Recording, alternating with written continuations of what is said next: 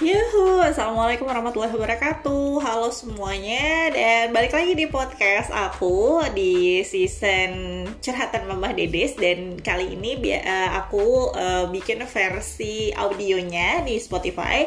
Uh, Seperti yang kalian dengarkan sekarang Karena biasanya aku juga nulis curhatan aku Kalau lagi nggak sempat atau mungkin lagi bisanya nulis gitu ya. Aku sering nulis di feed Instagram Ataupun juga di aku nulis di feed Instagram sih. Maksudnya di feed caption uh, di caption feed Instagram gitu deh pokoknya kurang lebihnya. Dan juga aku juga sering uh, cerita di story Instagram aku untuk curhatan hashtag curhatan mamah dedes kalian juga bisa cari sih kalau mau baca. Um, dan semoga ada manfaatnya ya. Begitupun juga dengan versi audio ini. Walaupun uh, tidak seperti ruang curhat yang pakai skrip atau nggak seperti kawan curhat dengan ngobrol bareng orang-orang gitu. Dan juga pertanyaan-pertanyaan juga uh, kurang lebih aku sudah susun uh, ini adalah versi curhatan bener-bener curhat. Jadi aku nggak bikin skrip sama sekali uh, dan mungkin nanti akan uh, ada ketidaknyambungan dari satu cerita ke cerita yang lainnya. Semoga saja tidak ya. Uh, atau mungkin ceritanya jadi tidak terarah atau ngalur gitu ini benar-benar nggak ada skripnya Nah, buat kalian yang belum dengerin uh, sesi ep atau episode yang pertama, aku sudah bikin sekitar dua episode uh, dan kamu harus banget dengerin yang pertama dan yang kedua karena ini akan berkesinambungan curhatnya. Uh, sebab ini adalah uh, edisi uh, untuk season pertama ini ya, aku bikinnya season dong. Uh, untuk season pertama ini aku akan um, bikin tentang cerita aku uh, dari asal mulai dari sejarah aku menjadi perantauan gitu dan akhirnya adalah si keluarga nomaden ini hidup bersama si papa Iron Man dan juga dua Avengers aku si Baby Hulk dan juga si abang Spider-Man oh semuanya Avengers ya karena mereka cukup uh, amburadul kalau lagi main gitu. Jadi Avenger kayak Avenger bertarung aja gitu bikin porak-poranda kota gitu ya. Bedanya mereka porak-poranda rumah.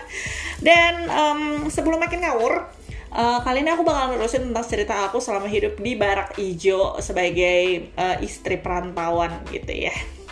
Nah, sebagai istri perantauan seperti yang aku ceritakan uh, di beberapa episode lalu, episode pertama dan kedua itu uh, alhamdulillahnya di daerah Sukamara ini uh, aku beradaptasi dengan mudah karena menemukan teman yang sefrekuensi tetangga yang baik gitu ya. Uh, dan juga bisa saling menjaga saling memberi ilmu gitu saling sharing dan juga uh, ya pokoknya oke okay lah gitu. Alhamdulillahnya gitu ya. Um, dan untuk kalian yang mungkin ih gampang ya kalau bisa berbaur gampang ya kalau nemu teman sefrekuensi. Tenang nanti akan ada cerita uh, saat aku pindah ke Sampit uh, di mana aku uh, tidak begitu banyak teman dan teman sepergaulanku hanya dari ibu dari teman anakku. Jadi aku ngumpul di TK sebarang ibu-ibu yang lainnya dan itulah yang akan jadi temanku gitu. Dan alhasil pada saat di rumah aku nggak punya teman guys, uh, hanya suami temanku.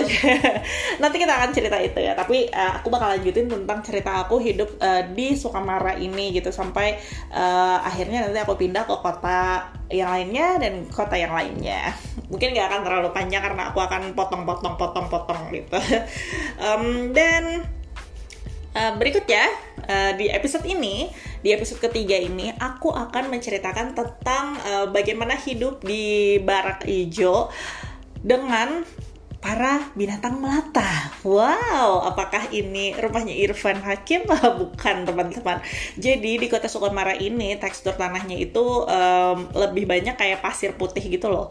Jadi tanahnya itu kayak bentuk pasir gitu, bukan tanah yang keras gitu karena arealnya daerahnya itu hampir berdekatan bukan hampir ya berdekatan dengan pesisir pantai gitu. Jadi kita kalau uh, kalau sekarang sekarang ini di tahun 2022 ini gitu uh, kita pengen ke pantai dari kota Sukamara itu cukup 30 menit 25 menit udah nyampe 25 menit sampai 30 menit itu udah nyampe gampang banget. Sementara kalau aku dulu itu harus berjam-jam dulu lah baru nyampe untuk sampai ke uh, pantai yang bagus ya gitu. Tapi kalau untuk pantai yang cuma sekedar uh, pantai, pelabuhan, nelayan gitu uh, ya 45 menitan lah dengan akses jalan yang tanah uh, rusak dan kalau banjir itu akan padang savananya akan ter terselimuti oleh air genangan air di mana-mana. Jadi kayak banjir gitu deh jadi kayak lautan gitu deh. Nah buat kalian yang pengen lihat seperti apa padang padang savananya kalian bisa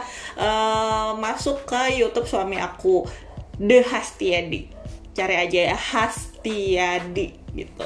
Uh, atau bisa lihat juga sih ada juga beberapa pantai yang aku posting uh, di uh, YouTube aku Desi Faurina. Kalian cari aja nama aku pasti akan ketemu. Sombong banget ya. Padahal siapalah aku. Oke, 5 menit sudah berlalu dan daripada kita makin ngalur ngidul, aku bakal langsung cerita aja tentang pengalaman aku dengan teman-teman melata aku. teman-teman melata. Oke, jadi uh, karena uh, perumahan ini atau barakan ini itu dulunya adalah sebuah lahan atau tepatnya hutan gitu, uh, pohon banyak pohon-pohon di situ terus ditebang dan dijadiin uh, lapangan luas gitu ya, sebuah lapangan luas dan di sana dibangun uh, dua bangunan barakan, yang satu uh, lima pintu, yang satu aku lupa deh 5 apa 6 pintu apa 4 pintu gitu pokoknya sekitaran itu deh ya jadi uh, di sana otomatis karena lahan baru dibuka kan akan banyak binatang melata nah aku sangat jijik dan ngeri sama binatang melata. Mungkin teman-teman SMP aku atau teman-teman kecil aku akan tahu bahwa aku takut cicak, teman-teman. Sampai sekarang pun rada jijik sama cicak karena aku dulu pada saat BAB itu pernah kejatuhan cicak tepat di bahu. Jadi si makhluk yang takut cicak ini tiba-tiba pada saat tidur, hmm, tepatnya pada saat itu aku uh, ditinggal sendiri karena suami lagi main badminton ya karena eh, laki-laki uh, juga uh, perlu kebutuhan menyalurkan hobi gitu ya biar dia ada kegiatan aja gitu ya. Um, dan pada saat itu kita disarankan aku sih kayak kami disarankan sama ibu mertua itu untuk tidur dengan menggunakan kelambu ya namanya di di tempat orang gitu ya di kota orang. Kita nggak pernah tahu katanya gitu mistisnya. Uh, takutnya kalau ada apa-apa orang berbuat jahat itu bisa jadi penghalat. Eh, maksudnya yang bisa jadi tameng gitu ya. Padahal uh, ya nggak tahu juga sih ya. Pernah dikomentari ya. Itu uh, mungkin uh, ya nggak apa-apa ya kita kerjain aja gitu namanya orang tua ini yain aja. Akhirnya kita tidur dengan kelambu walaupun aku horor banget gitu tidur sama kelambu. Pikiran aku itu selalu paranoid Sep uh, seperti halnya naik pesawat kemarin aku mikirnya akan terjadi seperti Final Destination.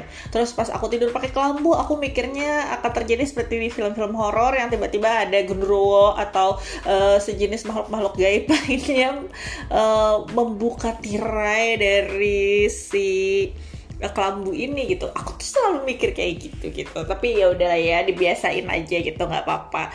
Dan akhirnya um, di suatu malam itu aku lagi uh, pada saat itu ya asik nonton TV di balik tirai kelambu. Lagi mana eh pokoknya gitu deh ya posisinya. Jadi aku di dalam kelambu lagi rebahan suami nggak ada. Aku nonton TV uh, eh, lalu entah kenapa uh, aku merasa ada sesuatu yang jalan di kaki padahal posisinya aku lagi pakai selimut gitu. Ya sontak langsung kaget dong ya gitu. Ih ada apa nih? Gitu.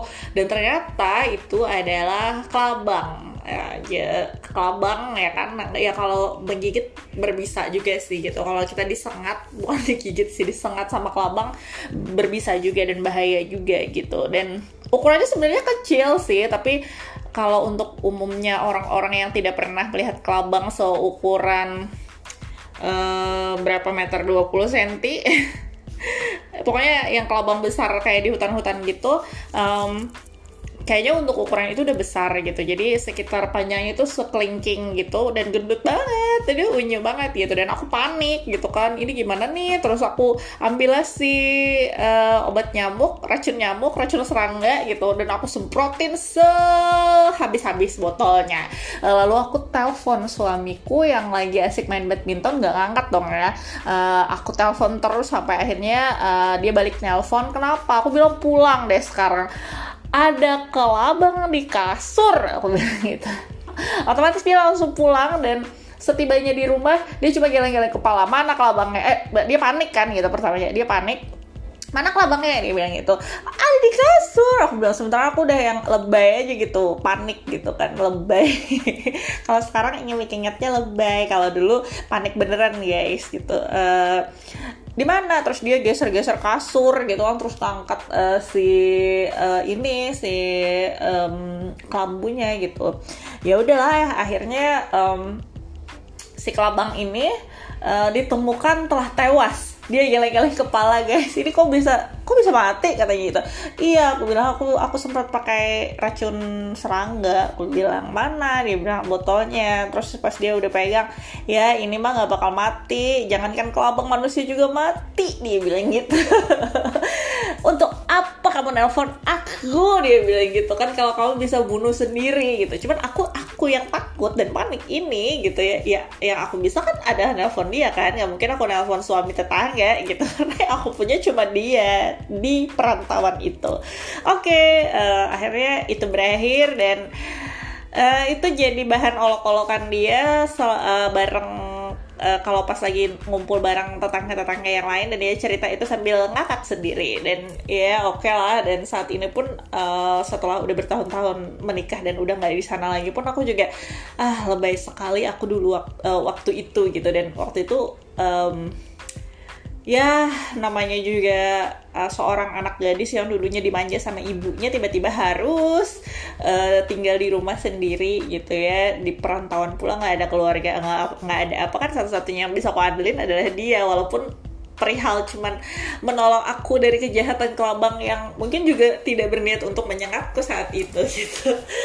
Oke, lanjut lagi ke cerita masih kelabang juga. Dan ini adalah cerita pada saat aku um, kok jadi cerita kelabang ya? Bukan cerita pengalaman tentang ini ya tapi uh, semoga ada hikmahnya ya. Karena kalian uh, seperti yang aku bilang tadi pada saat di perantauan itu hanya bisa mengandalkan pasangan satu sama lain. Jadi ya lagi-lagi di periode kedua ini maksudnya di tragedi kedua dengan kelabang kali ini akan juga sangat mengandalkan suami. Uh, begini ceritanya. Uh, jadi pada saat itu aku hamil uh, anak pertama uh, dan usia kandungannya itu memasuki usia lima bulan kalau nggak salah ya. Aku lagi tidur siang, tiba-tiba uh, dasteran gitu ya biasa ya. Kalau kita tidur pakai daster itu kan suka tersingkap gitu ya tersingkap. Tuh yang yang yang denger jangan uh, negatif ya. Uh, jadi kalau tidur pakai daster itu kan suka tersingkap gitu. Nah tiba-tiba ada sesuatu yang jalan di paha aku di paha guys. Jadi uh, mungkin aku pikir itu nyamuk atau apa gitu atau semut gitu kan. Aku tepis untungnya nggak aku tepok tahu kan bedanya tepok uh, tepok di tepok itu dipukul kalau tepes tepis itu disingkirkan gitu kayak pakai tangan gitu. Terus tiba-tiba ya udah hilang aja gitu. Setelah hilang aku dalam posisi tidur tiba-tiba kayak setengah sadar gitu. Heh itu mataku masih merem tapi aku mikir itu tadi apa ya Oke, aku bangun dong. Aku bangun dari tidur aku dan aku cek-cek itu sambil lagi-lagi karena pengalaman dengan kelabang banyak di sana gitu. Jadi aku selalu mempersiapkan uh, stok racun nyamuk, semprotan racun nyamuk itu sebut saja baygon. baygon bisa masuk di sini nih iklan. Um, aku pakai itu untuk um, bersiaga beserta sapu lidi yang ada di tangan kanan dan eh sap, uh, semprotan di tangan kanan dan sapu lidi di tangan kiri. Oh, jadi siaga banget nih dengan posisi perut gendut hamil 5 bulan gitu ya. Uh, akhirnya ya udah aku nggak tahu itu apa uh, di selimut juga aku bongkar-bongkar nggak ada. Uh, Oke, okay, aku udah feeling bahwa itu adalah kelabang karena seperti pengalaman-pengalaman yang sudah-sudah kan ya aku semprot satu tempat tidur itu dengan racun serangga itu. Dan akhirnya uh, aku geser-geser si kasur karena uh, posisinya kita cuma tidur pakai kasur nggak pakai ranjang gitu ya. Karena susah saya kalau pindah-pindah pakai ranjang ribet sumpah. Um, jadi usahakan pilih kasur terbaik dan ternyaman dan tergampang buat dibikin dibawa pindah-pindah gitu ya. Pelajaran lagi nih buat yang mau uh, nomaden Nah, uh, lalu aku cek lah itu tempat tidur, sisi-sisi tempat tidur dan aku menemukan kelabang seukuran uh, berapa senti ya? Pokoknya panjang deh, panjang banget deh pokoknya. Sekitar mungkin 15 sampai 20 cm. Warnanya hitam dan katanya itu beracun banget sih. Jadi kalau kalian pernah nonton uh, Discovery Channel, eh bener gak sih? Discovery Channel nggak sih yang binatang-binatang itu? Pokoknya itulah ya yang uh, channel binatang-binatang langka itu yang selalu mempotret dan memvideo tentang tumbuh kembang atau pergerakan hidup makhluk-makhluk uh, binatang atau hewan itu kalian pernah pasti pernah melihat kelabang hutan yang panjang dan besar banget ukurannya hitam uh, gendut banget pokoknya dan keras banget badannya karena aku sempat uh, pegang-pegang uh, pakai nggak dipegang langsung sih ya maksudnya uh, di apa sih kayak di di apa ya di, di pokoknya di gitu di gitu di dipegang-pegang uh, pakai sapu gitu pakai ujung-ujung sapu gitu. Dan uh, mungkin nggak mati tapi mungkin setengah sadar kali ya dia karena habis disemprot pakai racun serangga itu. Dan aku melihat kelabang ukuran segitu dengan ukuran sekitar 15 atau 20 cm itu uh, aku panik lagi dong, panik lah. Uh, pada saat itu siang hari dan aku telepon suamiku yang lagi di kantor kali ini lagi di kantor. Alhamdulillahnya dia lagi nggak sibuk ya kan? Iya sibuk sih, tapi karena bininya panik kan pasti pulang ya. Kenapa dia bilang gitu? ada kelabang ya udah disapu aja dia bilang gitu semprot pakai uh, apa namanya racun nyamuk eh racun nyamuk racun serangga gitu udah aku bilang gitu ya udah disapu aja nggak berani aku bilang gede banget aku aku aku karena aku panik ingat banget pada saat itu aku bilang itu setengah meter gitu. Setengah meter ular kali ya terus dia pulang dan dia pun shock melihat itu gitu. Terus dia bilang ada disengat nggak? Nggak ada karena posisinya aku lagi hamil kan. Nggak ada. Uh, tadi di mana? Di paha. Dia aku bilang gitu kan di paha dia dia merayap di paha. Aku bilang uh, tapi nggak aku nggak aku tepok tapi aku tepis gitu untungnya. Terus dia periksa paha aku nggak ada ditemukan tanda-tanda disengat karena siapa tahu kan aku disengat tapi aku nggak ngerasa gitu. Apalagi posisinya pada saat itu hamil besar gitu.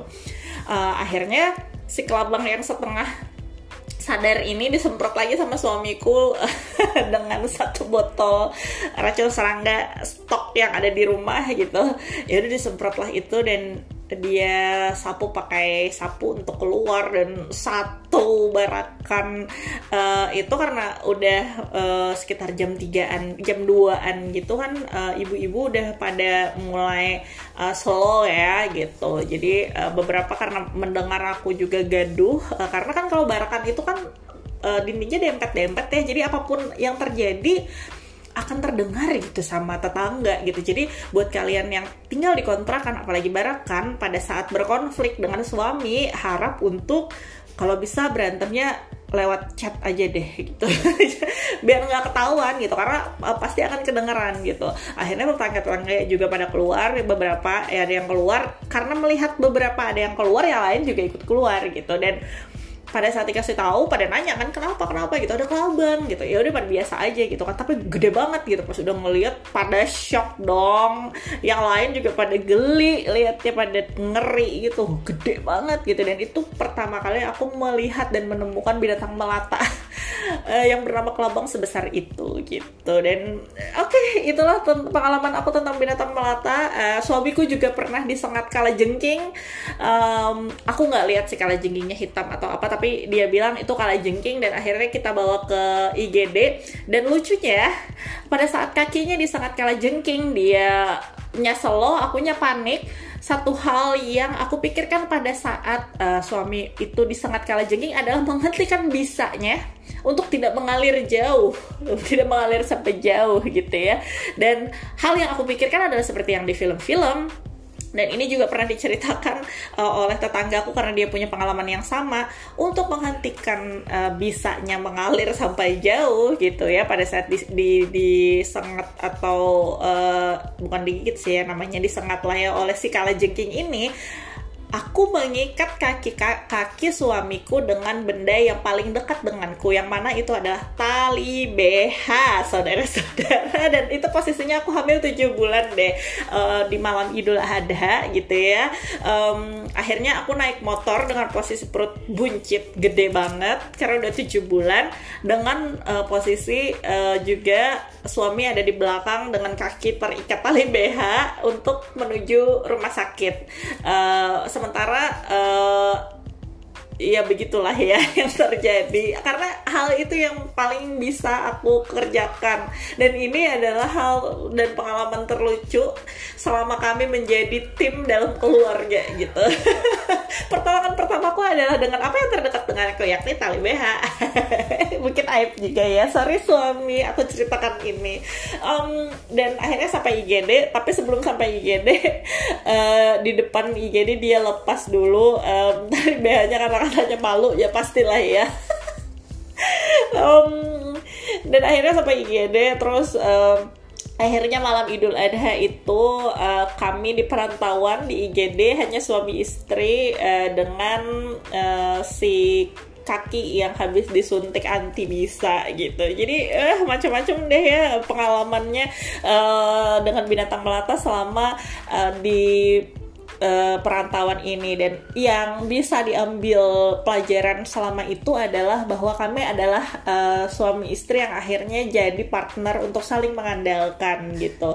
Uh, aku juga pernah masuk rumah sakit pada saat hamil 7 bulan aku jatuh gitu. Dan harus diopnam di rumah sakit. Dan hal yang paling membantu adalah suamiku. Pastinya juga teman-teman tetangga-tetangga aku yang baik banget gitu. Mereka eh, orang-orang yang support yang datang yang nanyain uh, mau makan apa perlu apa uh, mau dibawain apa gitu. Uh, dan mereka ganti-gantian buat um, per, mau ditemenin nggak gitu ya kan? Karena kami hanya bisa saling mengandalkan. Begitupun juga pada saat tetanggaku uh, inalilahnya harus keguguran gitu. Dan um, hanya hanya ada kami uh, maksudnya satu sama lain gitu. Jadi kami aku pernah dibantu pada saat posisiku sedang sakit aku juga pun uh, maunya begitu gitu. Jadi um, aku nanya uh, mau apa mau makan apa karena mereka juga begitu denganku gitu. Jadi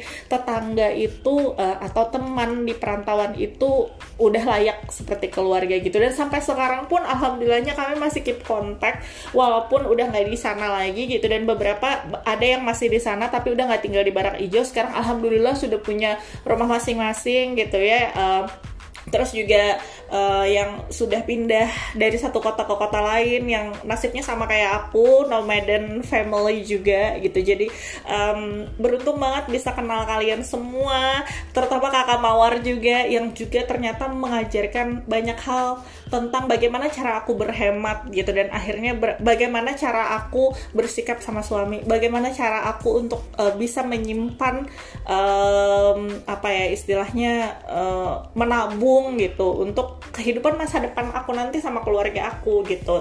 Um, kami saling berbagi kami saling ah jadi baper deh.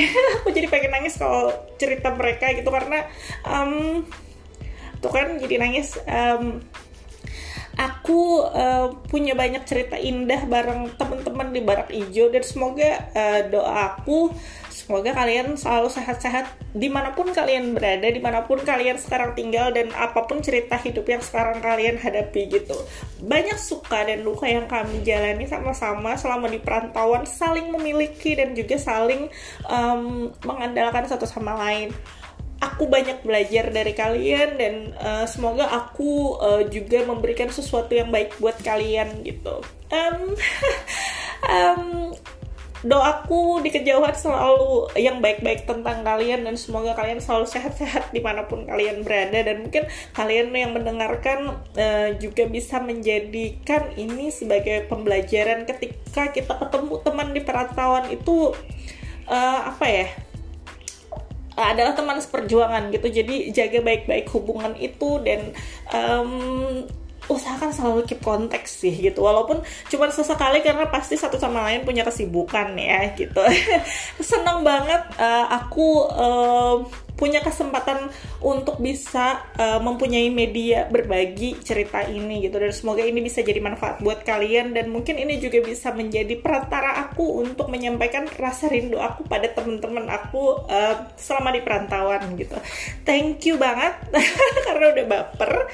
Um, aku udah mewek.